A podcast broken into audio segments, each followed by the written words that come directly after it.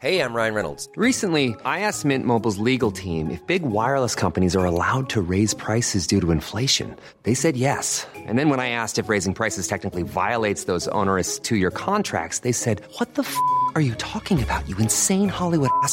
F- So to recap, we're cutting the price of Mint Unlimited from $30 a month to just $15 a month. Give it a try at mintmobile.com slash switch. $45 upfront for three months plus taxes and fees. Promo rate for new customers for limited time. Unlimited more than 40 gigabytes per month. Slows. Full terms at mintmobile.com.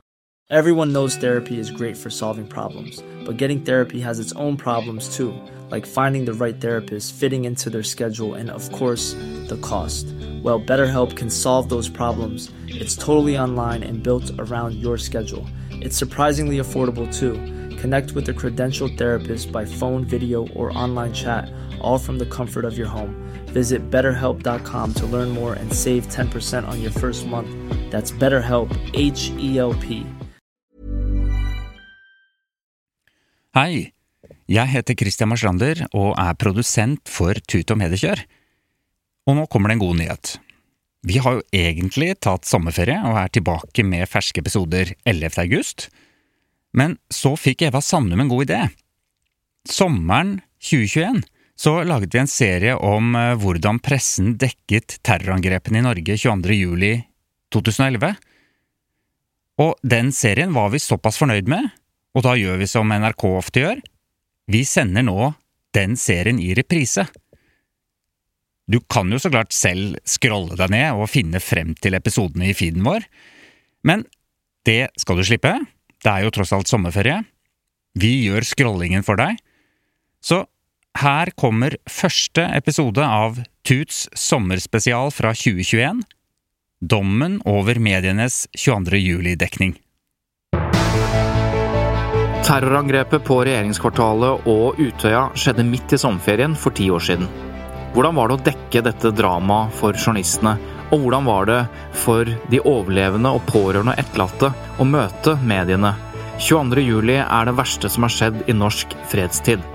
Hvordan klarte pressen seg? Sto de sin prøve? Hvilke vurderinger ble gjort? Det lurer vi på i denne sommerspesialserien av Tut og Mediekjør. Den neste måneden er litt annerledes. Det blir ikke rykende ferske Tut-episoder hver fredag, men de neste fire fredagene vil altså handle om ulike perspektiver av pressens rolle under 22. juli. Og Gjennom fire episoder av Tut og Mediekjør skal vi grave litt i hvordan journalistene som dekket 22. juli, gjorde etiske vurderinger i det som må ha vært den tøffeste prøven noensinne. Vi skal gå inn i noen av de mange etiske problemstillingene som mediene måtte håndtere. Dette er episode én av fire i vår sommerspesialepisode, og episoden er tatt opp tidlig i juli. Nå sitter jeg i bilen på vei over Sollihøgda i retning Sundvolden. Og som alltid når jeg kjører denne strekningen, så ser jeg jo til venstre utover eh, Tyrifjorden og mot Utøya, som jeg har gjort så mange ganger, og fått en litt sånn kjip følelse eh, nedover ryggen. Men jeg har aldri tatt ned eh, til høyre her og ned til eh, Utvika camping og ned mot Utøybrygga for å dra ned til Utøykaia og ta båten over. Og denne gangen så sitter jeg her i bilen. Det er riktignok sol. Det er 22. juli 2011. Det var regnvær, og det var fullstendig kaos etter at en bombe hadde sprengt i Oslo, i regjeringskvartalet, og folk Skal vi se, her står det Utvika, Utøya. Og folk eh, visste ikke helt hva det var som foregikk når de satt i bilen på vei ut hit. Det grufulle massedrapet som da foregikk her ute. Uten å vite hva som skulle møte dem når de kom ned til denne kaia som jeg kjører ned mot nå. Tenke på for ti år siden hvordan det må ha vært på vei ut hit som pårørende, som journalist, og ikke vite hva man hadde i vente når man var på vei nedover eh, her hvor jeg kjører nå. Eva, det er eh, i hvert fall én ting jeg er sikker på, at det blir ikke like lystig stemning i Tut og Mediekjør-studio som det vanligvis er. Nei, jeg er redd for det, Svein Tore. Bergestuen. Ja. Vi, eh, du har vært på Utøya, som vi hørte her. Du var på vei. Um, og vi skal gå ti år tilbake i tid. Forsøke å sette oss inn i hvordan det var, både for journalister og pårørende, og vi skal Ja, det er en spesialsending som vi har tenkt på lenge, men som jeg grua oss veldig til å, til Ja. å lage, egentlig. Vi har grua oss litt, men eh, jeg må si at etter at jeg har vært nå på Utøya, øh, og hatt en slags befaring der med han som er daglig leder øh, på Utøya nå, så har jeg blitt litt tryggere i det, for han var veldig flink til å, til å snakke uanstrengt da vi gikk der, Mm. og med klare, tydelige ord og, om hva som skjedde og så videre. Så det fikk meg til å tenke at øh, vi kan egentlig bare prate liksom eh, ja, lett om dette her, uten Mm. å føle at vi bruker ord som, eh, som blir feil og sånn. For jeg tror eh, det de etterlatte ønsker, er jo at dette skal bli snakket om som Mm. det var, nemlig et eh, bestialsk eh, drap, ikke sant. Så, så vi kan tillate oss det, Mm. rett og slett. Det har skjedd mye på de ti årene, og, og nettopp det du sier, at eh, vi må snakke om det, vi må ikke glemme, og vi må snakke om det kanskje på en annen måte eh, enn det vi har gjort, og det mediene har bidratt til. Vi skal komme tilbake til det, fordi vi har eh, snakket med en del eh, både journalister og overlevende. eh, for å prøve å sette dette i perspektiv. Men aller først, eh, hvor var du? Jeg var på Vestlandet på sommerferie. Eh, Jeg var tilfeldigvis oppe hos en nabo i familien for å låne noe til matlagingen. eh, Da en eh, tante da, i familien åpna døra og fortalte at det hadde vært en eksplosjon i Oslo, og da var alt veldig uavklart. Da. Så hun sa jeg vet ikke om det er noe gasseksplosjon eller hva det er, mm. men det var litt sånn krisestemning og rett ned igjen på hytta og sett på TV-en. Så det var veldig rart. Eh, Og det rare er at eh, selvfølgelig eh, resten av dagen ble man jo da sittende stort sett foran TV-skjermen og på Twitter, husker jeg. Og jeg hadde en tre måneder gammel baby som jeg drev og amma og holdt på med underveis. Det var helt surrealistisk, hele greia. Og en annen ting som jeg husker veldig godt, er at noen dager etterpå så var vi i Dyreparken i Kristiansand, for det var jo noe vi hadde planlagt. Og da var det eh, ett minutts stillhet i hele landet akkurat da løvene skulle mates. Eh, det, det husker jeg bare som en sånn eh, spesiell eh, scene, da. Mm. At hele dyreparken sto stille. Alle husker nok hvor de var. Hvor var du? Jeg var på Rema 1000 på Gullhella i Asker, ikke så langt fra der jeg bodde. Da tok jeg opp mobilen, for jeg fikk en melding, en sånn varsel, om eksplosjonen. Mm. og da var det et eller annet med formuleringen på den meldingen som gjorde at jeg tenkte at dette, altså regjeringskvartalet, dette var Jeg tenkte jo terror med en gang. Tenkte ikke, Var ikke innom den gassteorien som veldig mange var innom Nå. tenkte at her, nå er det, nå er det skjedd, liksom. Og, så, og så gjorde jeg jo de refleksjonene rundt eh, ekstremmuslimer, jihadister og sånn, fordi det var det som var terror da. Da vi snakket ikke om høyreekstrem terror. Nei. Um, så, um, og jeg hadde jo venner og kjente på jobb i regjeringskvartalet. uh, I Næringsdepartementet, eksempel. Uh, så jeg løp ut av butikken, og forsøk, for det er så dårlig dekning inne på Rema, så jeg bare forsøkte å finne ut av det. Og fra da så fulgte jeg dette, og da minutt for minutt. Ja, for jeg tror eh, alle hadde jo en eller annen uh, som de begynte å tenke at de var bekymra for. Eh, når, det, når det skjer en eksplosjon midt i Oslo sentrum, så har stort sett de fleste en eller annen som de tenker jeg må ringe han eller henne. Eh, det hadde selvfølgelig jeg også. Eh, og hele Norge ble snudd på hodet, eh, bare på noen minutter, egentlig. Og det vi skal konsentrere oss om i denne episoden, er jo hvordan det var da for journalistene. Ja, altså hvordan dekningen var, hva det gjorde, hva det ikke gjorde. Vi skal se på også PFU-fellelser, altså har, har det stått seg i ettertid, mm. det som ble gjort. Man kan jo tenke at når det er så dramatisk, og det er så mange vanskelige presseetiske vurderinger, så er det mange klager til PFU.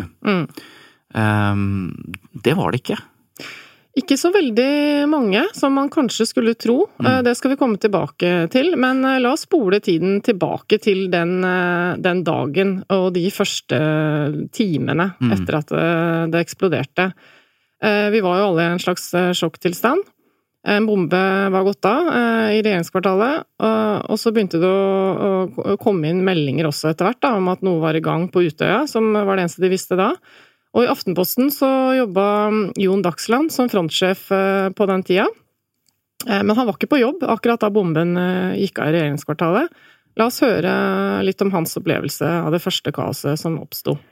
Jo, eh, det kan jeg.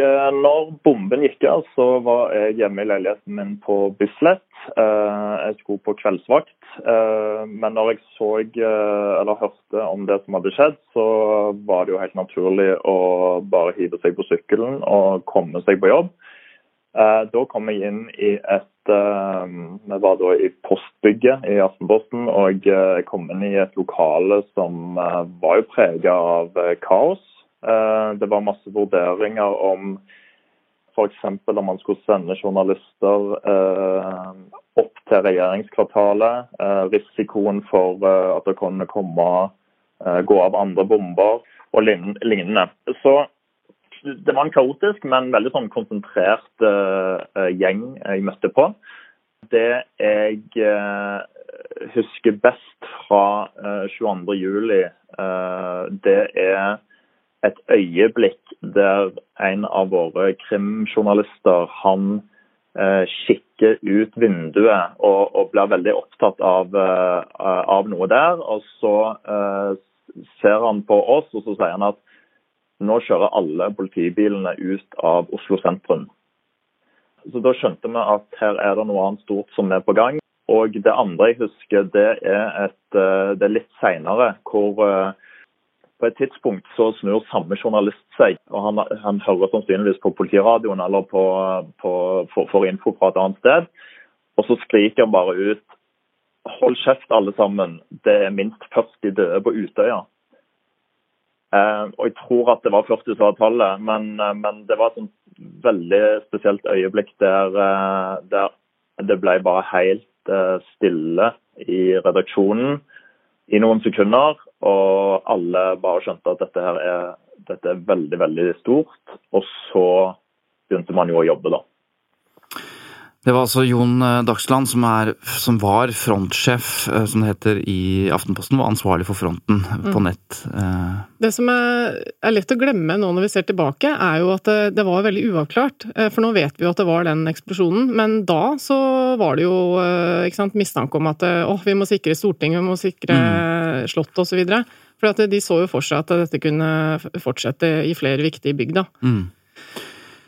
Han øh, Vi har valgt å snakke med han. Øh, det var veldig mange journalister som var på jobb og som husker dette her. Um, vi har også snakket med flere som var liksom litt utafor Oslo-gryta. Uh, men dette arbeidet som er så ekstremt intensivt i alle redaksjoner på dette tidspunktet Det alle redaksjoner ikke vet, eller ikke har fått med seg, eller oppdager etter hvert, er jo at de har fått en e-post tidligere, mm. altså før eksplosjonen, så ligger det en e-post. Mm.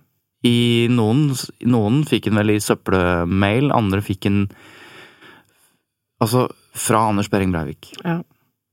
Eh, og når de, får, når de, skjønner det, at det er dette det handler om, så begynner man å, å tenke hvordan skal vi behandle dette manifestet? Mm. Disse hundrevis av sidene. Mm.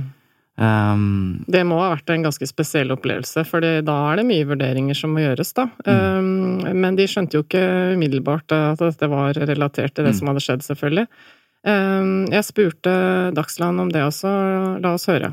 Sånn det fungerte de første døgnene, iallfall for min egen del, var jo at man uh, opererte jo ikke med noen vanlige sånne vaktlister. Uh, I praksis så jobba man når man var klar for det, og så var man hjemme og hvilte seg mellom slagene. Så for min del så var jeg på jobb utover kvelden den eh, 23. Eh, og da var vi en, en gjeng som satt i, eh, i postbygget. Og eh, vi begynte å få Det er en litt sånn rar situasjon, fordi du skjønner at denne saken det er jo egentlig bare tull å gå hjem, fordi han blir jo aldri ferdig. Men han kommer heller ikke til å bli ferdig eh, det neste året, egentlig. Sant? Du bare skjønner at det, det, er veldig, veldig stort. Så på et tidspunkt der utpå kvelden så, så, tenkte jeg at eh, vi hadde sånn ja, kontroll i hermetegn da, over situasjonen akkurat der og da. Eh, det var bekrefta antall døde, man hadde kommet litt videre. Det var tydelig hvem som var gjerningsperson eh, osv. Og, så Eh, når jeg er i ferd med å, å logge av, eh, så eh, kommer det informasjon av en journalist som kommer til meg og sier at har du fått med deg det manifestet eller det dokumentet? Og det hadde jeg jo ikke.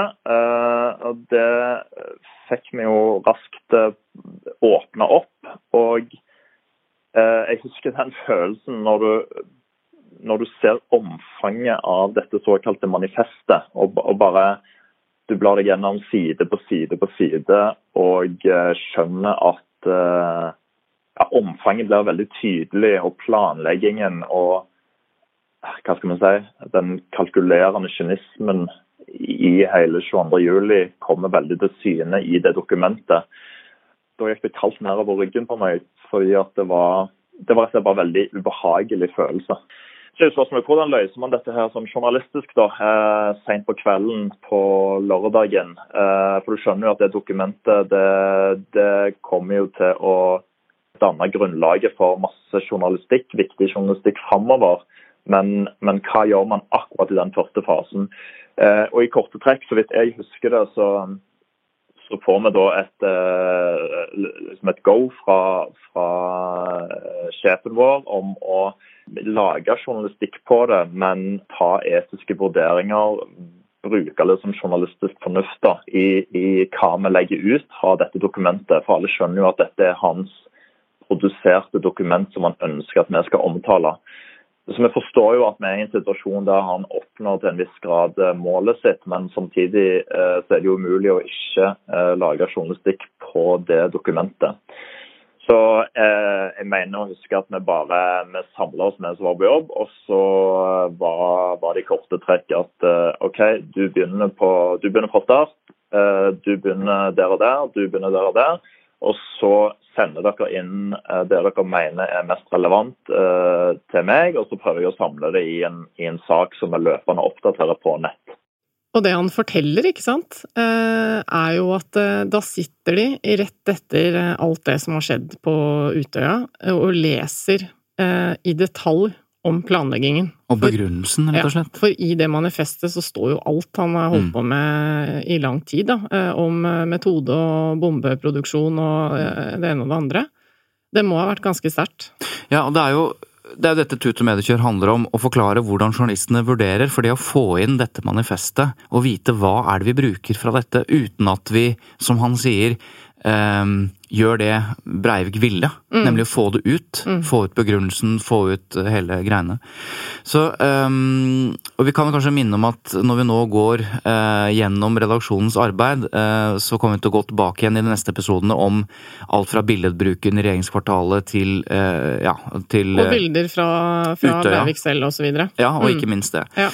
Men en ting som også var litt interessant, som Dagsland snakket om, var jo det at det, altså det ligger jo instinktet hos en frontsjef og enhver eh, presseperson som eh, jobber med nettjournalistikk, da, å følge med på tall, ikke sant. Det veit vi jo. De mm. sjekker klikk, de sjekker hva som fungerer, hva som ikke fungerer, osv. Og, og det har han reflektert litt over i ettertid, hvor sykt det var å se Eh, tallene? Ja, rett og slett. Eh, den da, dagen. Og, og, da er det jo ikke tallene eh, som om dette tjener vi penger på, men tallene hvor, hvordan leses denne saken? Ja, fordi det er jo det som driver eh, veldig mange folk som jobber med nettjournalistikk. Mm. Det er å se umiddelbart Trafikken. Eh, hva som funker, ikke sant. Mm.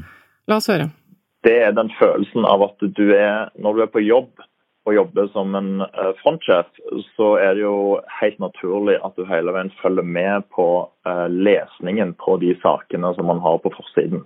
For det, det viser jo om man har gjort en eh, Typisk om man treffer bra på innholdet da, og presentasjonen. Og Da kommer man jo her i en veldig sånn absurd situasjon. fordi at Lesertallene hos oss og sannsynligvis hos alle andre nettaviser var jo helt skyhøye.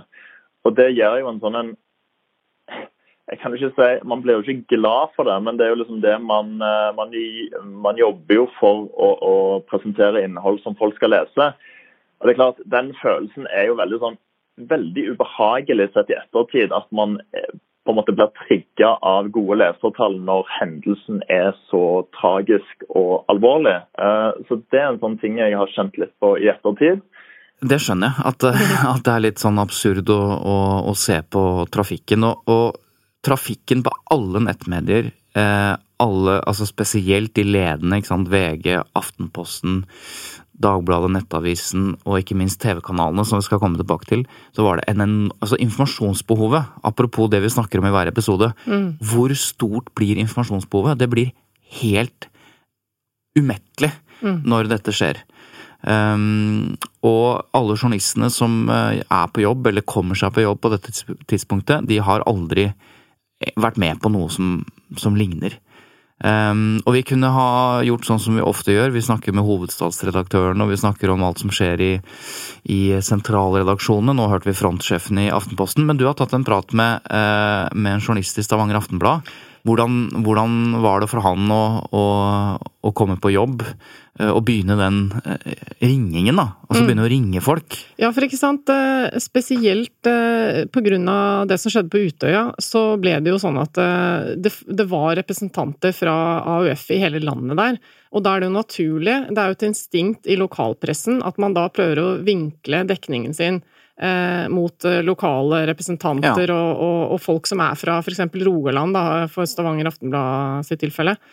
Eh, Så jeg ringte nyhetsjournalist Jone Østebø, han jobber fortsatt i Aftenbladet.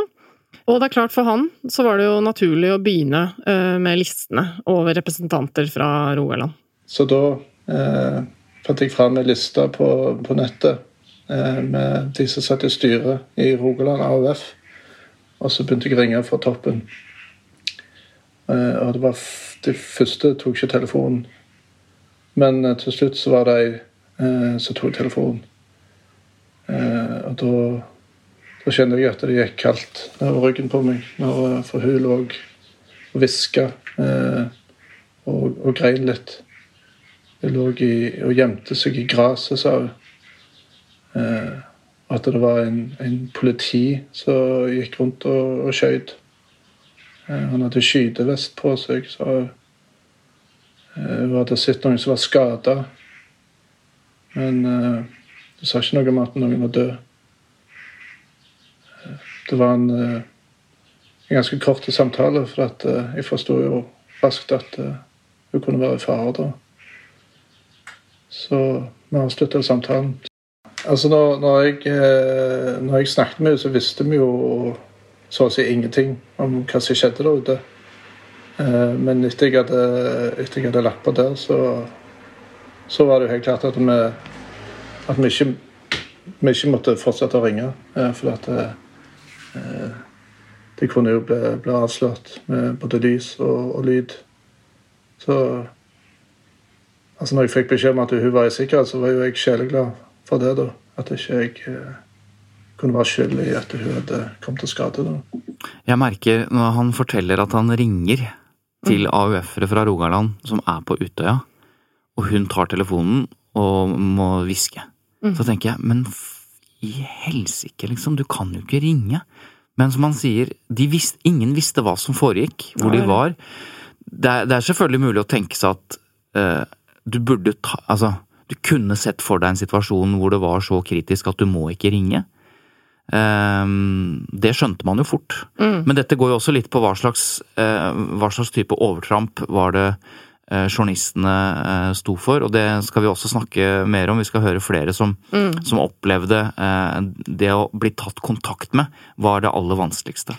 Fordi det var jo veldig mye meldinger ute på Twitter om at man ikke skulle ringe folk som var på Utøya da det pågikk. ikke sant? Eh, og så har det jo vært kritisert i ettertid at eh, folk allikevel gjorde det, og i den grad det var journalister som fortsatt gjorde det, kanskje fordi de fortsatt ikke hadde ikke sant, eh, fått disse meldingene osv. videre.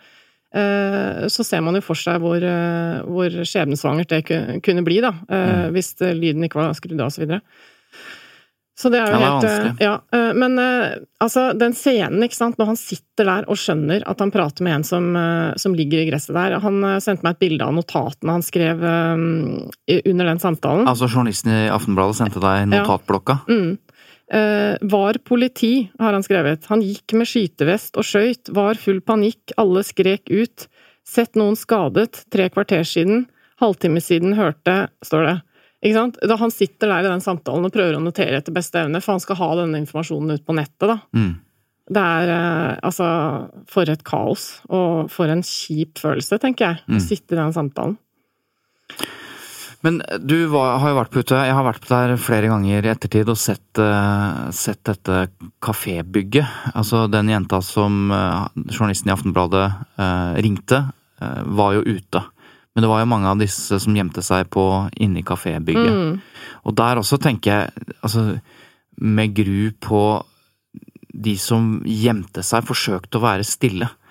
Og så telefonene som, som ringte. Ja.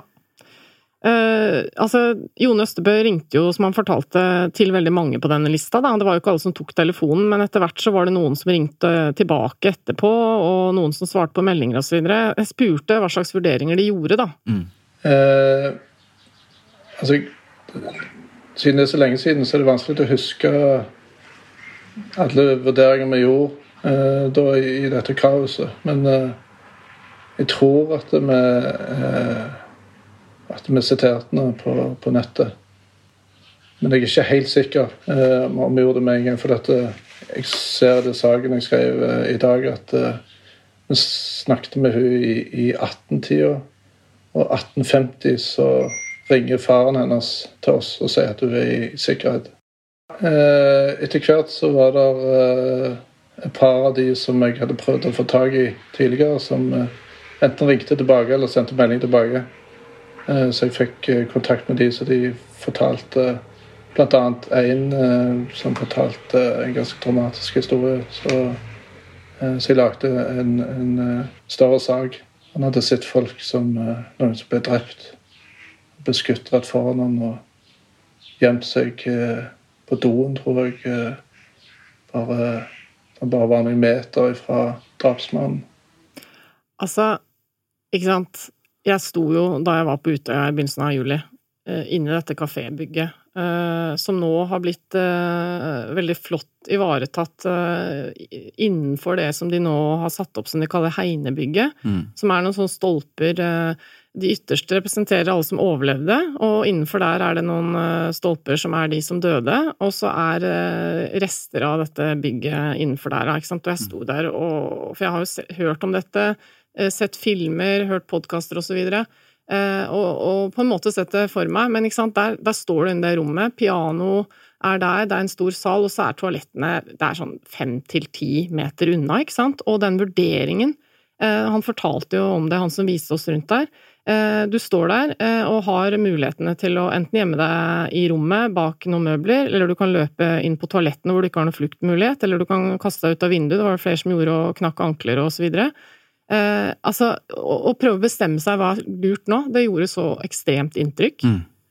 Og de som eh, gjemte seg inn på det toalettet som han fortalte om at han hadde snakket med en som gjorde, eh, de klarte seg jo da, for dit eh, Ja. Mm. De kan ikke. Vi eh, skal se litt på Altså, Vi snakker jo ofte om aviser når vi er hit ute med det kjør. Mm. og så glemmer vi av og til at noe av det folks får mest nyheter fra, er TV-nyhetene. Vi snakker jo litt om TV. Ja da, vi gjør det, men uh, da snakker vi gjerne om Kompani Lauritzen og sånn. Nei, men TV Altså, her fulgte jo veldig mange TV-sendingene. Ja, jeg satt jo uh, klistra foran den skjermen hele den kvelden, jeg husker. Ikke sant. Mm. Uh, og så skal vi snakke litt i denne episoden her om hvordan journalistene jobbet, og, og, kanskje til slutt dommen over medienes dekning. Mm. Men hvis vi ser på terrordøgnet og ser på hvordan Eh, TV 2 og NRK dekket uh, dette her, for det var jo de to kanalene som dekket det på TV. Mm. Så ble det jo skrevet flere, jeg tror det var tre eller fire bacheloroppgaver, som så på og sammenlignet minutt for minutt, og så på hvordan dette her uh, var. Og dette ble samlet i en, en, en, bok som heter Mediene og terroraksjonen. Studier av norske mediers dekning av 22. juli. Og det, det er litt interessant å se på uh, forskjellene, hvordan de dekket det. Altså Av TV-kanalen så var TV 2 først ute med viktig informasjon, men NRK brukte flere kilder i dekningen av terroraksjonen det første kaotiske døgnet. Og så hadde de da kontinuerlig nyhetsdekning i hele perioden. Um, allerede kvart over fire, 13 minutter over, over, fire, og da snakker vi altså tre kvarter etter at bomben har gått av, mm. så intervjuet f.eks. NRK den første eksperten, Atle Mesøy, Eh, og ble introdusert eh, som ekspert på islamisme og terror. Det sier jo litt, da. Ja, fordi det var det alle tenkte. Mm. Ikke sant? Eh, og, og, det verste var, som et liten apropos, også det kommer kanskje tilbake igjen til PFU, så var det en regionsavis som ble felt på, det, på en kommentar, eh, for det gikk i trykken altfor tidlig, og da var kommentaren om eh, islamisme og ekstremisme der. Mm. Men, men det var det vi trodde. 17 minutter over klokka seks så opplyser TV 2 at det er en mann som er utkledd som politi som skyter på Utøya. Og klokka 18.24 så melder NRK det samme. En time seinere så melder begge kanalene omtrent samtidig at mannen er pågrepet. De, jo, de, bruker jo de samme kildene, de får den samme informasjonen, men eh, TV 2 er alltid litt først. Eh, og grunnen til at vi sier det, er at dette er jo noe av det som driver mediene. De må hele tiden tilfredsstille et informasjonsbehov, og derfor ønsker de å være først. Ja. Og det syns jeg er litt pussig, eh, på mm. en måte, når man hører på dem eh, når de snakker om hvem som er først og sånn, fordi de er så ekstremt opptatt av det. Men eh, som du sier, da, eh, for dem er det så ekstremt viktig å være før konkurrenten. Selv ja. i en sånn situasjon som det her. Ja, og så kan man jo diskutere om, om, her, om det er ønske om å være før Jeg tror ikke de, de skuler jo ikke til hverandre på dette tidspunktet, tror jeg. Her ikke når det, det pågår, nei, nei. ikke når det pågår. Men det er mulig etter rasjonaliseringen så hører vi av og til at vi var ledende, vi var først ute. Så det er viktig for dem. Men det jeg tror de gjør, er å se litt på hverandre i en så vanskelig situasjon eh, for å orientere seg om hva gjør TV 2 nå, hva har de valgt å gå ut med når ting er uavklart? Da? Eh, det er det samme som journalistene som møter hverandre på Sundvolden. De snakker sammen. Mm. Eh, konkurrentene snakker sammen. Hvilke linjer legger vi oss på, osv. Mm. Men så fortsetter da dette nyhetsdøgnet. Vi sitter og ser på TV. Så kommer opplysningen om at mannen er etnisk norsk i begge kanalene sånn ti på halv tolv. Da holder politiet pressekonferanse, så det er derfor de får bekreftet det. Og da går det jo dette har jo mange skrevet om og sagt, da går det et slags lettelsens sukk gjennom eh, befolkningen. Fordi tanken på at det hadde vært omvendt, eh, den er ubehagelig. Fordi det ville gjort kanskje enda mer med samfunnet vårt. Eh, alt fra rasisme og ubehageligheter. Det var jo allerede den ettermiddagen så var det rapporter om at eh, muslimer, ikke-etnisk norske i Oslo, ble skreket etter. Mm. Fordi folk var så forbanna og redde. Men det som er veldig interessant da, er at i det øyeblikket gjerningsmannens identitet ble kjent, så oppsto det en sånn bemerkelsesverdig endring i språkbruken mm. i nyhetene. Eh, fordi at da var det plutselig ikke så liksom, terror og sånn. Da begynte de å plutselig snakke om det på en litt annen måte, før det justerte seg en litt senere, da. Ja, for da vet man ikke hvordan man skal håndtere det. Er det en gal norsk mann, eller er det terror? Hva kaller vi dette? Vi klarer ikke å forstå at dette kan være terror, når vi ikke klarer mm. å plassere det i noe som kommer utenfra. Mm. På natta, eh, og det er mange som er oppe og får med seg dette, kvart på to, så, så går TV 2 ut med at den pågrepne heter Anders Behring Breivik. Eh, mens NRK da venter nesten eller over en time før de identifiserer. Og dette er interessant, for dette snakker vi ofte om Her er det jo identifisering i entepotens, altså i den forstand at her handler det veldig veldig mye om hvem denne mannen er. Og det vil aldri være en vurdering her at, at man ikke skal identifisere, fordi eh, altså, det er bare et spørsmål om tidspunkt. Men det er interessant å se at det er en times forskjell mellom TV 2 og NRK. Eh, og det kan være ulike vurderinger de, de gjør der, da. Og det er Interessant at du sier det med den største selvfølgelighet, eh, at selvfølgelig skal man identifisere. For det er klart i varselplakaten så, eh, så står det jo at man vanligvis ikke identifiserer før ting er avklart, ikke sant? Nei, før det er tatt ut en tiltale eller eventuelt dom. Ja. Men i dette tilfellet så Åpenbart. Eh, fordi informasjonsbehovet er så stort. Mm. Mm. Eh, de bacheloroppgavene har også sett både på Nå snakker vi om TV 2 og NRK og forskjellen på det, men også Twitter. Twitter var ekstremt viktig. Var skal vi si relativt ungt, men fungerte veldig godt. Og veldig mange opplevde, har de svart på undersøkelser, at, de, at, de, at Twitter var et eh, raskt og pålitelig medium, forutsatt at du, som det ble sagt, følger de rette personene. Og dette vet vi i dag at det er, det er ikke pålitelig. Altså, du har ingen kontroll på dette, men det ble en veldig viktig informasjonskanal fordi både Utøya-overlevende og flere brukte Twitter og sosiale medier som en kanal ut. Mm. Og det første døgnet er det jo overføring av pressekonferanser som er den dominerende sjangeren da, i begge disse kanalene. Mm. Det er det som er hoved... Fordi du må, alltid, eller, du må vente på den informasjonen som kommer som er bekreftet eh, fra politiet. Og, det, og, og, gjennom hele Det som er spesielt, er at redaksjonene vet at det er veldig mange flere døde på Utøya enn det som politiet melder. For det var veldig lenge at politiet opererte med 10, 12, 13, 15. Mens de hadde jo snakket med overlevende, og de hadde snakket og sett også bilder. Så de visste at det var veldig, veldig mange. Og det, men der kan ikke sant, Når det gjelder tall på døde, det er et sånt eh, en, en informasjon som du bare, du bare må vente med det.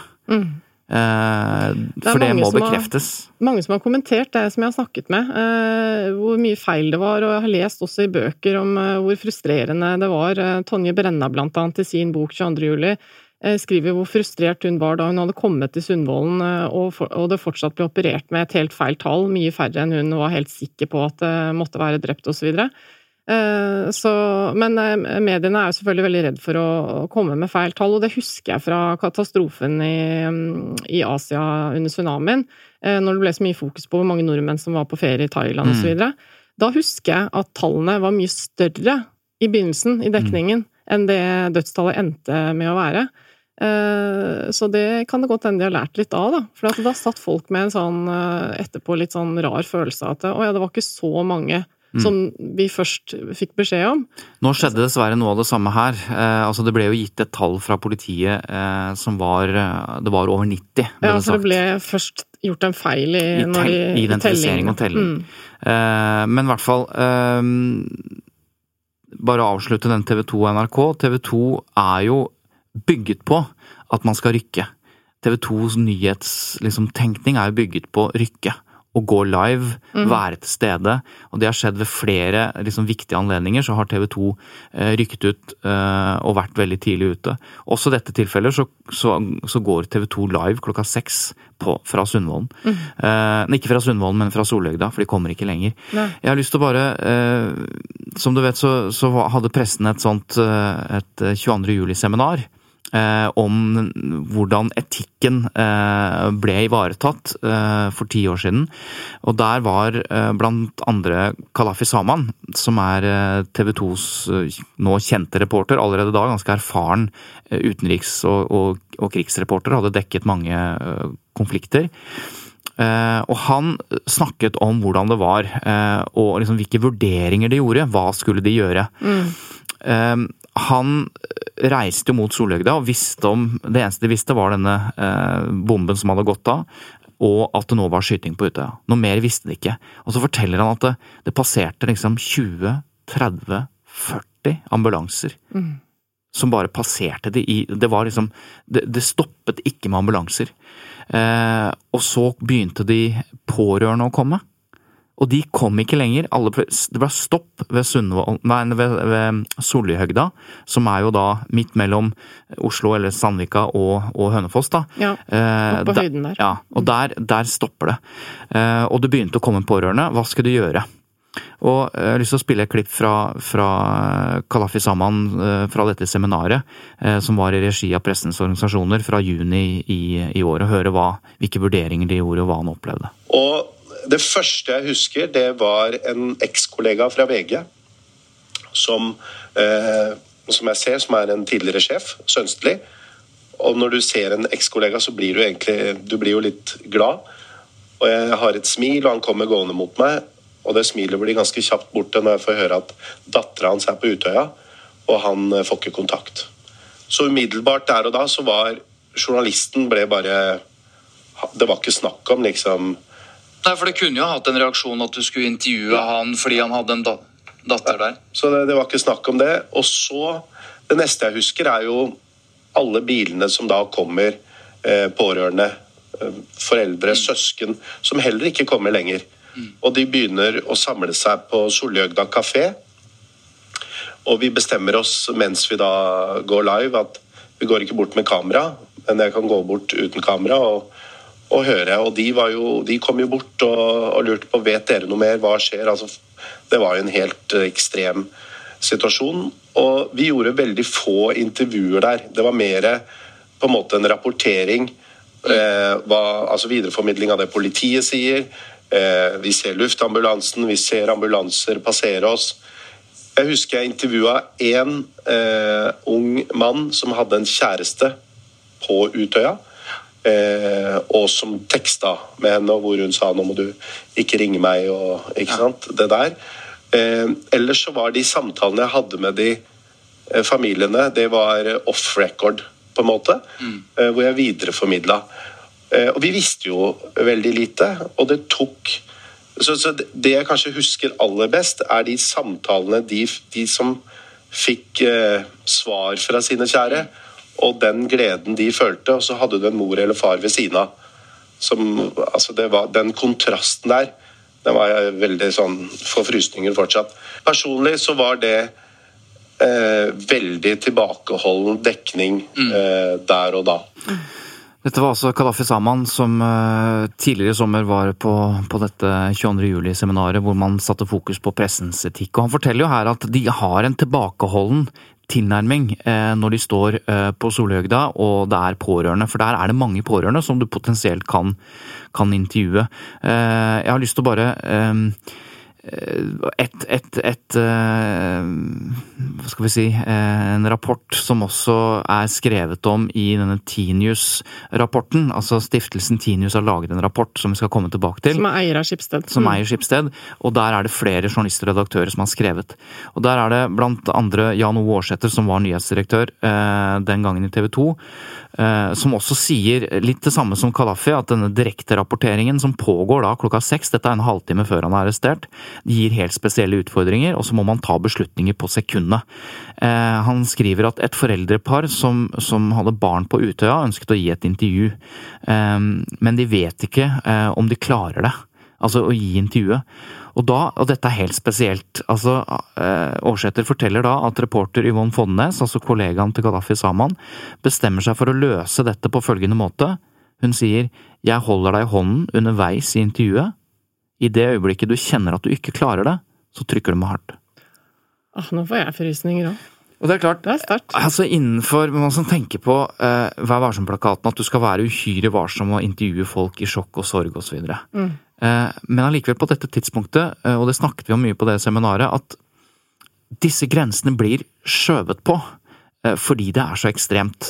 Mm. Men her, her er det i hvert fall et, eh, en måte å løse det på, da. Selv om andre vil sikkert si at eh, hvis, stå, hvis hun sier at hun ikke klarer å gjennomføre intervjuet, kanskje, så må du ikke gjennomføre intervjuet. Men på den andre siden, det var veldig viktig informasjon dette her også. Så jeg skal ikke gjøre meg til dom over om det var en riktig tilnærming, men, men det er i hvert fall Tenkningen her er både journalistisk, og det er for så vidt etisk, da. Altså, Varselplakatreglene sier jo at du, sant, du skal behandle folk som åpenbart er i sjokk, eh, med ekstra varsomhet. Så man kan jo stille spørsmål om, om det, det er jo å vise varsomhet og komme med et sånt råd. Jeg holder deg i hånda, vi bare går av med en gang.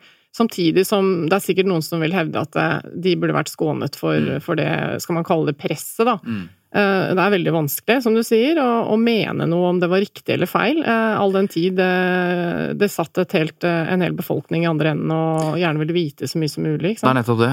Vi har sagt tidligere, jeg har bare lyst til å rette opp en ting, at eh, vi har sagt at det ble sendt direkte, eller vi har i hvert fall snakket om mediene som var på landsida eh, da, da de overlevende kom svømmende i land. Mm. Det er ikke riktig. Fordi, som Kalafi sier, de kom ikke lenger enn til Nei. Solhøgda. Og den scenen uh, ser man jo i denne serien som ble laget for NRK. Ja. Uh, det, det husker jeg veldig godt, at de står jo støkk uh, midt oppe på Nettopp. Sundvolden. Så det er fri, de bildene vi har, eh, og det skal vi også komme tilbake til, og snakke om de bildene vi ikke har, og de vi har fra Utøya. Mm. Men de videobildene, eller TV-bildene av de som kommer liksom på Utvika camping og, og i land, det er tatt av frilansere. Som mediene får tilgang til etter hvert. Mm. Men reporterne i VG og TV 2, de er ikke der. Nei, nettopp. Eh, For de kom rett og slett ikke frem eh, Nettopp. på det Men, tidspunktet. men de frilanserne kommer fra andre siden. Altså, de kommer fra, altså, de kommer ikke fra Oslo, Mm. for der er det stopp. Så de kommer fra uh, ulike områder uh, nord for, for uh, Tyrifjorden. Der kommer også lokalreportere og, og, og andre som kommer fra andre steder. Mm. Og jeg har lyst til å spille også et klipp fra, fra en annen overlevende, eller fra en overlevende fra Utøya, som har en helt annen opplevelse av eh, nensomhet og varsomhet. Nemlig det motsatte av det tenkningen som, som Kadafi gir uttrykk for, og Yvonne Fonnes eh, i TV 2. Um, altså Kamzy Gunaratnam, som er varaordfører i Oslo nå, var jo AUF-er eh, på Utøya 22. juli, la på svøm og reddet livet på den måten. Og hun forteller da eh, en historie fra når de kommer til Sundvolden bensinstasjon. For det var rett før Sundvolden hotell eh, åpna opp for alle de eh, overlevende. Så, eh, så kommer de til Sundvolden bensinstasjon, og dette er det hun forteller fra hva hun husker da. Og da husker jeg at mens vi prøvde å kartlegge hva som skjedde, og statsråder og ulike politikere som vi kjente prøvde å ringe bensinstasjonen og prøve å få tak i noen, at det var en journalist som drev og gikk rundt og prøvde å snakke med noen av de yngre. Eh, også etter at vi hadde sagt at kan dere, kan dere vente utafor. Eh, jeg tror jeg var den eneste fra sentralstyret til stede, og så var det bare veldig mange yngre mennesker. Eh, men hun eh, ga seg ikke. Så jeg måtte til slutt da skjelle henne ut eh, og sende henne ut av bensinstasjonen. Og det var det, var det første møtet med en journalist. Dette som Kamzy forteller om nå, det skal vi snakke mer om i episode tre, for det handler om hvordan de overlevende opplevde media. Eh, Og dette er det forsket på. Eh, Det er gjort, eh, forskerne har snakket med absolutt alle Mm. overlevende etter Utøya, hvordan de også opplevde media. Men nå har vi snakket litt om, om mediene og, og hva slags vurderinger de gjorde. Men du, ja. jeg har lyst til å, det er en liten kuriositet i forbindelse med det at vi snakker spesielt om TV-dekningen. En ting jeg husker, er at TV Norge, som på den tiden fortsatt hadde nyheter, de gikk i svart, husker jeg. Eh, og skrev 'gå til NRK'. Eh, det er mulig jeg husker feil Ja, nei, eh, hva hadde- som var teksten. De hadde ikke nyheter. Nei, de hadde ikke nyheter, nei. De hadde nei, lagt det ned de sluttet nyhetene. Med. Men jeg husker i hvert fall at det gjorde veldig inntrykk på meg at Ja. de skrev 'her har ikke vi noe Altså gå til de som dekker dette', ikke sant? Det Og pekte oss videre, da. Mm. Og det husker jeg fikk sånn respekt av at de satte den eh, beskjeden på skjermen. Og det, og det er klart at her Alle disse avgjørelsene, hva gjør vi nå? Eh, P4 for eksempel. Mm. De, eh, de gjorde noe helt spesielt. Altså når det gikk opp for folk at så mange hadde blitt skutt og drept på Utøya, dagen etter, ikke sant, vi våknet opp til dette, eh, så eh, spilte ikke P4 den vanlige musikken. Altså De lot ikke dette gå og rulle som vanlig. De åpnet opp sånn at alle eh, kunne ønske seg musikk. Altså Det ble en eneste lang ønskekonsert. som Da valgte de låter som ga mening, eller som minnet dem om noen, eller som Ja, så de lot på en måte lytterne bestemme hvordan det skulle være. Og det er altså Det blir gjort mange ulike grep i mange ulike mediehus og redaksjoner som, som, er, eh, som er interessant å se nå i ettertid, som, eh, og, og som veldig mange er gode. Altså det er veldig gode reflekser, rett og slett, mange, mange steder. Mm. Jeg eh, nevnte Tinius-rapporten. Mm. Ehm, som du sa, det er, det er Skipsted eh, som Eller Tinius eier Skipsted, og de har gitt ut eh, flere I flere årsrapporter så har de eh, gitt ut tekster, refleksjoner og tekster fra journalister, redaktører, om 22. juli. Og, og, og nå kom det en nå. Nå er det ti år siden, og da har de både tekster fra 2011, og det er altså nye tekster eh, som sier litt om hvordan eh, og hvorfor dette er viktig eh, å snakke om, hva vi har lært. Um, og jeg syns altså det, er, det er 63 sider med refleksjoner Mm. og, og tekster om, om medienes rolle, eh, sånn som de ser på det selv. Da.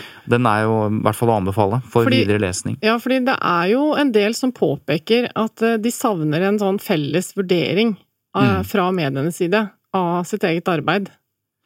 Ja, jeg syns også det er rart, og jeg vet at det er en av de overlevende i den rapporten som etterlyser det. Mm. Eh, og hun tror jeg skal vi har snakket med også. til henne. Men, Mm. men det er et eller annet med at den, den bejublede serien om 22. juli, ikke sant, som fulgte Aftenposten-journalistene, den er veldig god. Altså, la det være helt klart. Men det er én ting den mangler. Eh, fordi den, den er jo full av kritikk mot eh, myndighetene og mot beredskapen osv. Mm. Men det er, det er, speilet vendes aldri. Nei. Så det er, ingen kriti det er ingen som snakker om journalistenes og hva de gjorde feil eller ikke gjorde feil. Eh, vi har en kjent 22. juli-rapport om kommisjonen. Eh, det kunne kanskje vært interessant å, å lage en, eh, lagd en rapport om 22. julis mediedekning også. Nå er jo det det de i hvert fall forsøker litt på i denne Ja da, det er det. Og så var jo mot slutten av denne episoden så må vi jo da snakke om, Eva, eh, dommen over norsk eh, presse 22. juli, hvordan de håndterte. Og da er det jo lett for deg, da, som har sittet i PFU, og behandlet flere av disse sakene. Ja, faktisk, for Og- da satt jeg i utvalget. Ja, og tenke på, ok, da må vi se da på fellelsene i PFU, om det gir et slags svar på, på om mediene håndterte dette bra. da. Ja, øh, og ikke sant Nå, i en sånn situasjon, at Vær varsom-plakaten virkelig kommer øh, til sin rett. Men utfordringen er jo at øh, når det skjer øh, noe så ekstremt minutt for minutt, så har du ikke tid til å begynne å slå opp i Vær varsom-plakaten, så da gjelder det at du kan din Vær varsom-plakat, for å si det sånn, Ja. som, som reporter Og som et redaktør. lite innstikk der, eh, det var veldig mange som var på jobb i, eh, i juli som ikke var erfarne reportere. Ja. Fordi det er veldig mange sommervikarer. Er. Så de kan ikke dette. Det sitter ikke i ryggmargen, eh, Vær varsom-plakatens eh, fire kapitler. Nei, og, og altså, det aller viktigste, eh, som jo tross alt står i kapittel 1 i Varselplakaten, er jo det med pressens samfunnsrolle. Ikke sant? At det er deres rett å informere om det som skjer i samfunnet. Men så er det jo veldig mange ting som står eh, om det å ta hensyn eh, Mm. til kilder og, og berørte av pressens arbeid osv., som, som også må tas hensyn til i det arbeidet. Eh, Det er annet at de skal være kritiske til valg av kilder, selvfølgelig, og kontrollere at opplysningene som gis er korrekte, som jo var ekstremt viktig i denne situasjonen her. Eh, og så er det jo veldig viktig eh, og god presseskikk å klargjøre premissene i kontakten med kilder. Eh, det tror jeg det er mange som har følt litt eh, ymse rundt, fordi at det Mm. var så kaotisk at de visste ikke helt hvem de snakket med, kanskje, og sånne ting. Eh, Kildene skal jo selvfølgelig gjengis korrekt, det kan jo være vanskelig. Vi har jo hørt om notatene til han journalisten i Stavanger Aftenblad. Mm. Det er jo sånn det foregår når det går så fort. De må bare prøve å gjengi det de har hørt. Um, og så er det jo selvfølgelig ekstremt viktig at de skal opptre hensynsfullt i det journalistiske arbeidet, da. uh, ikke misbruke andres følelser, og manglende medieerfaring, ikke minst, som veldig mange jo eh, manglet, uh, som var berørt her. Ja, og Eh. dette med at husk at mennesker i sjokk eller sorg er mer sårbare enn andre. Mm. Dette er liksom, dette er kjempe... Og det her kommer jo det til anvendelse. Og det var det vi diskuterte på dette seminaret, at jeg fikk aldri noe godt svar på det, om det er greit at de, pre at de grensene skyves på fordi det er så ekstremt. Få se for deg en, en litt stor båtulykke da, på Utøya i Tyrifjorden. En, eh, liksom hvor to mennesker er omkommet, eller tre mennesker er omkommet. Og så kommer de tredje og fjerde overlevende inn til landsida. Du intervju... Altså, det, det ville ikke vært den samme eh, Mm. vurderingen da, fordi at her er det bare en båtulykke, det er eh, sjokk og sorg, og vi er veldig varsomme, vi intervjuer dem ikke rett etterpå. Når det gjøres andre vurderinger 22. juli, så er det nettopp på grunn av omfanget. Så spørsmålet mitt da hele tiden, jo men skyver vi på disse grensene, og, gjør, og er det greit at vi intervjuer flere? Fordi det som ble brukt som argument fra flere journalister og redaktører, er at vi visste ingenting om hva som foregikk på Utøya. Så Mm. kommer det folk som har vært på Utøya. Mm. De kan fortelle det. Mm. De er tidsvitner om hva som foregår der og da. Og da må jo det vurderes opp mot hensynet og sjokk og sorg-biten. Så jeg tenker at på én side så sier du, du sa det også du, at det er virkelig nå Vær varsom-plakaten kommer til sin rett. Mhm. Og man snakker også om at det er, i, det er i krig at menneskerettighetene er viktigst. Men på en annen side så er presseetikken skrudd sammen sånn at, at du må veie disse tingene opp mot hverandre, og Det er- veldig interessant. Altså. Det er ikke fasitsvar. Nei, det er ikke det. Eh, eh, og det neste da, som eh, kapittel fire i plakaten handler om, er jo selve publiseringen, ikke sant. Mm. Og da er det jo den generelle regelen, regelen om at man skal legge vekt på saklighet og omtanke osv. i presentasjonen. Um, og så er det viktig at de gjør klart hva som er faktiske opplysninger og hva som er kommentarer, for det var jo også litt, uh, litt sånn bælete eh, Mm. til tider i starten der, ikke sant. At uh, mange la inn sine egne meninger, de visste ikke nok og, om hvem som sto bak alt dette her. Um, og så er det jo det at um, de skal være varsomme med bruk av begreper som kan virke stigmatiserende. Det kunne jo fort uh, Det skjedde jo ganske ganske raskt eh, etterpå. Sørge for at overskrifter og ingresser og inn- og utannonseringer ikke går lenger enn det er dekning for. Det må du jo holde tunga rett i munnen på, ikke sant? Også dette her med kriminalsaker gjør det klart at skyldspørsmålet for en mistenkt, anmeldt, siktet eller tiltalt først er avgjort ved rettskraftig dom. Ja, det det det vi virker jo helt absurd. Ja. Ikke sant? For vi vet at mannen har eh, Altså, vi vet jo at det er han. Mm. Så da blir det vanskelig å på en måte Vi kan jo ikke bruke de vanlige begrepene. Skal ha tatt livet av Ja, men jeg tror Jeg mener å huske at det ble tatt det vanlige forbeholdet i måten de formulerte det på helt i starten, da. Eh, Fordi det liksom Ja, Helt til han blir pågrepet. Altså, Når han blir pågrepet eh, med våpen og overgir seg, så er det på en måte, da kan du legge vekk denne 'skal ha', på en måte. Altså, Det får være grenser. Men du, hvordan, hva slags saker eh, Altså, hva er Nå har, vi, nå har vi sett litt på de presseetiske kapitlene, ikke sant? med Mm. samfunnsansvaret i kapittel 1 og, Mm. uh, og hensyn til kilder i, i kapittel 3 og publisering i kapittel 4. Men hvordan gikk det?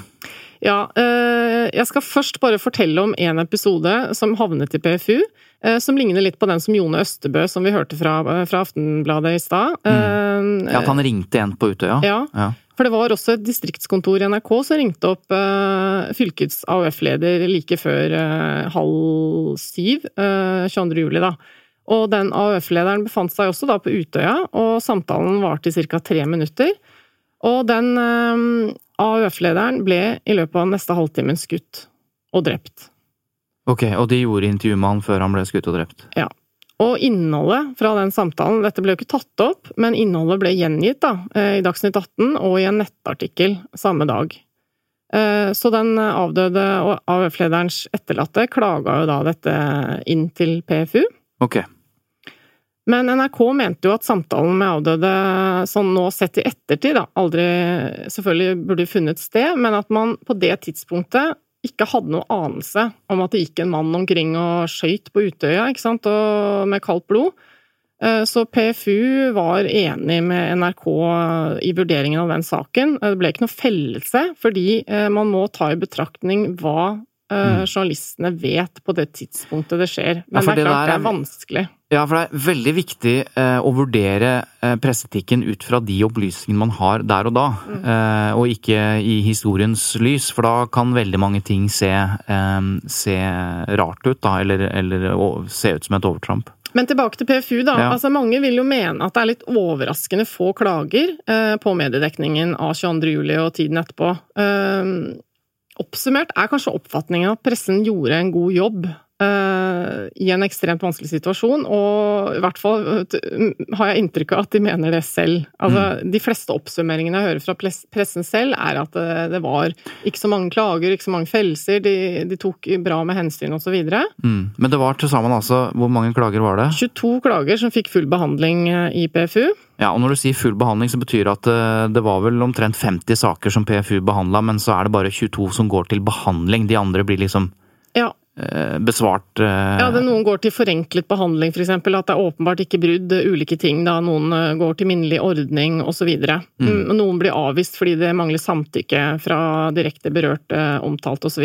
Ok, Så av de 22 sakene som fikk full behandling, hvordan gikk det med det? Og dette er da en periode på nesten to år, ikke sant? Ja, det var det. Eh, Åtte medier ble felt. Resten gikk fri. Ok. Og det er jo alltid detaljene i hver enkelt sak ikke sant, som, vurderer, som avgjør om det blir en fellelse eller ikke. Mm. Eh, Jeg var ikke med å, behandle alle disse sakene. Eh, Jeg måtte f.eks. gå ut av den aller største saken eh, som inhabil da, i en klagesak mot VG. Ja, det var en Eh. klagesak mot, eh, mot eh, det oppslaget som handlet om når, når, når terroristen var tilbake igjen på Utøya, og, og den rekonstruksjonen sammen med politiet, og han viste hva han hadde gjort og sånn. Det var kjempesvært, de hadde bilder. Ja. Bare VG hadde bilder fra Masse, ja. masse store Men hvorfor ble du inhabil? Altså, da jeg så det oppslaget, så ble jeg rett og slett så kvalm og så opprørt at jeg tvitra om det. Mm. Eh, Og da gjorde jeg meg selv inhabil. eh, Det slo meg ikke akkurat da. At eh, dette Nei, kan jo vi- havne i PFU, ikke sant? og da kan ikke jeg uttale meg forhåndsdømme saken, på en Så måte. det er, ikke sant, alle medlemmer i PFU de må holde tunga rett i munnen, det vil si de må holde tunga på plass, for Ja. at de skal ikke snakke om noen saker i Ja, og det, offentligheten. ikke sant? Jeg forstår jo at jeg hadde jo felt min dom nærmest over dette oppslaget, så jeg forstår at jeg måtte tre ut av behandlingen da. Eh, Men eh, det er jo allikevel eh, litt dumt på en måte dette her, ikke sant? At de som sitter og jobber med presseetikk konstant Mm. i utvalget, i fare for å gjøre seg inhabil, så må de ikke omtale ting som skjer i mediene fordi de kan havne på PFUs bord. Det er jo litt dumt, Mm. men det er nå engang sånn det er, da. En av disse åtte som ble felt, var det jeg nevnte i stad. Vi kan jo ta den. Altså, det, var en, eh, det var eh, en av de første klagene som kom, var mot Tidens Krav i Kristiansund, som hadde publisert en lederartikkel lørdag 23. juli, altså dagen etter terrorhandlingen. Og de hadde jo, altså Det er mange aviser som har deadline før, altså veldig tidlig, og de hadde jo da deadline før gjerningsmannen hadde blitt tatt, og de gikk langt i å antyde at det var muslimer som sto bak terroren. Mm. Og, og klager mente da dette var forhåndsdømming. Ja. Det var jo en del klager på bilder, eh, både av eh, mennesker, eh, intervjuer fra Utøya og identifisering av savnede personer osv., som vi kan komme tilbake til når vi skal snakke mer om billedbruk i neste episode. Mm. Det var noen bilder fra begravelsene. Det var jo veldig mange begravelser som foregikk samtidig. ikke sant? Vi Ja. har jo lest litt om det at de som hadde vært på Utøya, nærmest måtte velge hvilken begravelse de skulle gå i i en periode der. Det er helt forferdelig å tenke på. Mm. Um, men det var en fellelse i forbindelse med en begravelse fordi det gikk eh, Eller det var ikke en fellelse, eh, fordi det var en misforståelse om eh, hva som var avklart og ikke med de pårørende, da. Fordi Mm. at en begravelse er jo en offentlig hendelse, ikke sant. Mm. Så Men de hadde bilder av sørgende, blant Ja. annet. Mm. det, Og det er jo selvfølgelig helt forferdelig. Men det er én fellelse som, som jeg husker, og da var du med å behandle. Og det handlet om omtale av politiansatte. Mm. Ehm, og, eh, og det Var ikke det Altså, VG ble, ble klaget inn pga. dette med billedbruken på rekonstruksjonen. Men, men det blir også klaget inn på det oppslaget hvor de da identifiserer den politimannen som er med eh, terroristen. Og han blir identifisert med fullt navn, og det er han som skal avhøre Breivik, og det er han osv. Da var du med å behandle det, og det, men den gikk fri. Ja, det stemmer. Eh, Den gikk jo fri eh, med den begrunnelsen at eh, det var en legitim offentlig interesse til personen som gjennomførte avhørene av en så bestialsk drapsmann. Da. Mm. Ja, og øh, jeg kjenner jo den politimannen, for jeg har skrevet bok med han. Dette er Geir Egil Løken. Mm. øh, som gikk rundt øh, både på Utøya med han, og som avhørte han i, i mange, mange timer etterpå. Dette er en, var jo på det tidspunktet en helt ukjent politimann i Kripos. en av de fremste etterforskerne, eller, og avhørerne vi har. I ettertid så har jo Geir Egil fortalt om dette, og holdt foredrag og sånn. Det er derfor jeg kan si at, at det er han. Mm. Men der mente altså PFU at, at, at, at, dette, at dette måtte han på en måte tåle. Han hadde en viktig oppgave. Men som et, bare som et apropos, eh, så gikk, så gikk man for langt eh, i Vi menn.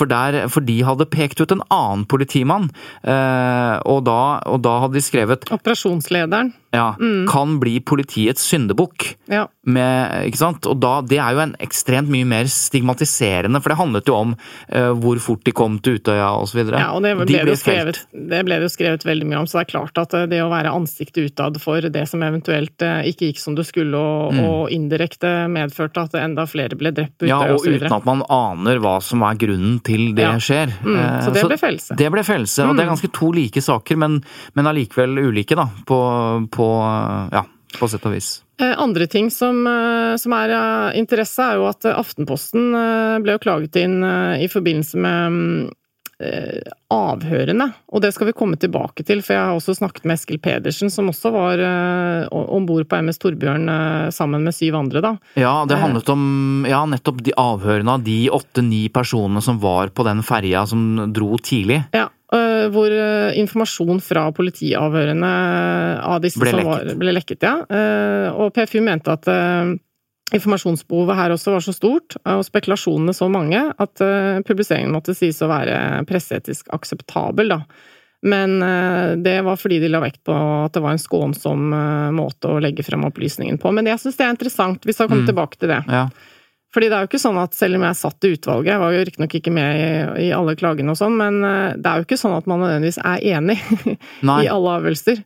Nei, men du, men du kan eh, men, men hvis du er uenig, hvis du sitter i utvalget og dette her, da, la oss si du mente at Aftenposten ikke burde publisert lekkasje av politiavhør, da har du vel et valg om å være uenig, men la det gå, og så ta såkalt dissens. Ja. Er ikke det riktig? Man prøver å komme til enighet, sånn at man har eh, Man stiller seg bak eh, Hele utvalget stiller seg bak avgjørelsen, men hvis man er rykende uenig, så kan man ta dissensia. Og da må man skrive sin egen eh, dissensuttalelse, som er at utvalgets mindretall mener at det var et pressetisk brudd, eksempel. Og så må man argumentere for det. Nettopp. For, for at det skal kunne loggføres, da. Ok. Andre ting som blant annet ble klaget inn, var jo folk som ble koblet til Anders Behring Breivik. Ja, Fjordmann for eksempel. Ikke sant. Ja. Eh, også eh, folk som ble knyttet til tankegodset eh, til Breivik, ikke sant, men som allikevel ikke eh, opplevde at det var rettferdig å bli koblet med han fordi, på grunn av det han gjorde, da. Ja, men der, der gikk annet NRK fri i, i en av de sakene. Og så var det sånne litt, litt mindre ting, men som jo man absolutt kan forstå at oppleves alvorlig. At navnet ditt eh, Altså de som bodde på den gården der hvor Breivik eh, forberedte terrorangrepet. Ja. eh, det ble tatt et bilde av postkassa hans for å illustrere at han hadde bodd der, og da kom det noen navn eh, frem av Fra de som naboene, ja. eide eide gården. Som, som selvfølgelig Det er jo ikke noe behagelig å bli identifisert som de som har vært eh, jeg håper å si, idiotiske nok til å leie ut eh, gården sin til en terrorist. Sånne ting, da. Men oppsummert, eh, det var altså eh, åtte fellelser Mm. og 14 eh, som gikk fri av de 22 klagene som, som ble Eller av de som ble klaget inn da, i løpet av dette skal vi si toårsperioden fra rett etter. Første klagen kom 23. juli, Ja. og så de neste to årene. Ja, og jeg tror man kan kanskje oppsummere og si at eh, de sakene som veldig mange muligens vil ha forståelse for at eh, var på kanten, og kanskje til og med syns at var over kanten, eh, de fleste av de sakene gikk fri med den begrunnelse at eh, informasjonsbehovet var større enn hensynet. Mm. Og der kan man jo, der er det ikke noen fasit, der kan man rett og slett være uenig. Og noen av dem vil jeg kanskje til og med påstå at jeg er uenig i. Ja, og så skal vi vel minne om at det at uh, man går fri i Pressens faglige utvalg, er ikke et uh, allment godkjentstempel på etikken Nei, det eller det. journalistikken. I hvert fall sånn som jeg ser det. Mm. Og det er også litt viktig å ha med. Og så tenker jeg at når vi går inn for landing på medienes eh, hvordan de dekket 22. juli, eh, de gjorde en Altså, de gjorde en fantastisk jobb på mange områder. Eh, men, men så må man eh, så må man jo bare erkjenne at i en sånn ekstrem situasjon så begås det feil. Hele tiden. Eh, og, det, Det det. og det tenker jeg at der ser jeg en ganske stor forskjell når jeg leser den Tinius-rapporten. Det må Mm. jeg få lov til å si. Ja. At uh, når uh, flere av redaktørene og journalistene går igjennom liksom, hva de gjorde Dette kunne vi gjort bedre, dette skulle vi aldri ha gjort, står det skrevet noen steder. Uh, vi skulle aldri ha intervjuet på den måten. Det er en god del selvrefleksjon, men så slår det meg at når jeg leser både teksten i 2011 og teksten som ble skrevet i år av Hanne Skartveit i VG, så Politisk redaktør. politisk redaktør, eh, så er det altså en, for det første, en hemningsløs skryt Mm. av VG, som sikkert er berettiget, mye av det. Eh, Men det er også sånn at vi var på vårt beste, eh, og det er ingen tegn til refleksjon rundt om at de kanskje ikke gjorde alt perfekt. Mm. Og akkurat den holdningen, den måten å, å, å, sette fram sitt eget arbeid på, det, jeg må si at det er noe av problemet med Ja. journalister og redaktører som ikke Som på en måte litt sånn frakoblet virkeligheten eh, løfter seg selv opp på en, eh, på en pidestall. Jeg liker det ikke. Jeg syns ikke det var noe ålreit, og jeg har lest de tekstene flere ganger. Og, og nå er jeg i ferd med å Nå utløses snart en slags tilsvarsrett. Men bare som et eksempel, da. Når Hanne Skartveit skriver at dette var VG på sitt beste, og vi og tør påstå at de hadde en Hun skriver det, at de var best. Det er subjektivt, men hun mener det. At de var ledende. Og de skriver at allerede, jeg tror eh, da bomben gikk av 1524 eller hva det var, og så allerede 1540 eller noe sånt, så var liksom eller oppslaget på VG eksplosjon. Og så leser du litt lenger ned i den Tinius-rapporten, så, får du høre, så leser du om P4. P4 var fem minutter tidligere ute med en reporter live fra sentrum. Sånn at det, det er et eller annet med at det står seg ikke alltid å presentere sitt eget arbeid, som er så vanskelig og så komplisert, på en perfekt måte. Ja, pluss at eh, en ting som, eh, som ikke fanges opp som regel i Pressens faglige utvalg når de får en klager, er jo eh, hvordan redaksjonen bestemmer seg for å presentere noe. Fordi sånn som den rekonstruksjonen på Utøya med Breivik sammen med politiet, det ble jo presentert, så vidt jeg husker, i VG som veldig sånn eksklusivt. ikke sant? Du fikk litt følelsen av at eh, fotografene som hadde tatt bildene, som ble slått opp på mm, svært i VG, Mm. på forsiden osv., med ladegrep og det ene med det andre. Um, det ble da eh, presentert med sånn bombe Altså ikke bombe, men med sånn Det ble da presentert med Som en sånn eksklusiv, og det var farger, og det var gul skrift og ja. Og det er jo noe man, man føler litt på som sånn eh, Se og Hør eh, Ikke Ja. sant? Visuelle grep som det gir en dårlig smak i munnen. At de liksom slår seg på brystet. Vi, vi er de eneste som har Ja. dette, se, eh, vi slår det opp fikk stort. kritikk i behandlingen, husker jeg, Mm. eh, i PFU. Akkurat det der eksklusivitet. Og i tillegg så var det flere av VGs medarbeidere som var ute på Twitter og skrøt av det oppslaget. Ja. Og det ble beklaget, Mm. faktisk. Mm. Men ja, summa summarum eh, skal vi si at eh, basert på både PFU og de vurderingene som eh, vi har snakket om nå, så gjorde norske journalister og redaktører en, en veldig, veldig god jobb. Og så skal vi huske at det er ikke så lett i en sånn situasjon, hvor Nei. veldig mange oppfatter de som invaderende og gribber. Og så skal vi i episode tre høre litt fra de overlevende, hvordan eh, de også opplevde eh, pressen, eh, som jo vil nyansere dette litt. Grann, da. Og vi må selvfølgelig ikke glemme at det var en hard dag på jobb for de som var journalister og reportere også, ikke sant? Det var jo ekstremt sterke inntrykk på dem også. Mm. Um, Vi skal gå inn for landing. Neste, eh, neste episode, neste uke, så Mm. skal vi snakke litt mer om bildebruken. Mm. Eh, helt konkret. Og så skal vi innom eh, utfordringene som var knytta til at eh, det var sommervikarer eh, med litt mindre erfaring eh, på plass i mange redaksjonene da dette skjedde. Ja, og når man ser på eh, bildebruken, eller hva som vi har av bilder, som vi skal snakke om neste episode, så er det jo sånn at regjeringskvartalet, der er det veldig mye bilder, video, det er veldig dekket, da. Der døde det åtte personer, på Utøya døde det 69. Um, der, det fins nesten ikke bilder Mm. fra den andre delen av terroraksjonen. Mm. Og det skal vi snakke om. Hvorfor gjør det ikke det? For det fins bilder! Det er bare at det ikke er publisert. Et annet sentralt spørsmål er jo om media burde ha trykket bildene av Anders Behring Breivik, eh, spesielt de bildene som han selv ønsket at Nettopp. skulle spres. Så hele neste episode handler egentlig om bildebruk. Det gjør det. Og da gjenstår det bare å si takk til Atle Andersen, som har hjulpet oss med research til eh, denne sommerspesialen, og til Ingrid Negården Hjortveit i sekretariatet i PFU for grundig gjennomgang av de relevante PFU-sakene knytta til eh, 22. juli. Nettopp. Og så takk til klipperen vår Simon, og som, eh, som eh, sørger for at eh, dette kommer ut, sammen med Lyder Produksjoner som produserer dette her. Så da høres vi neste uke. Det gjør vi. Ha det. Takk for oss. Takk.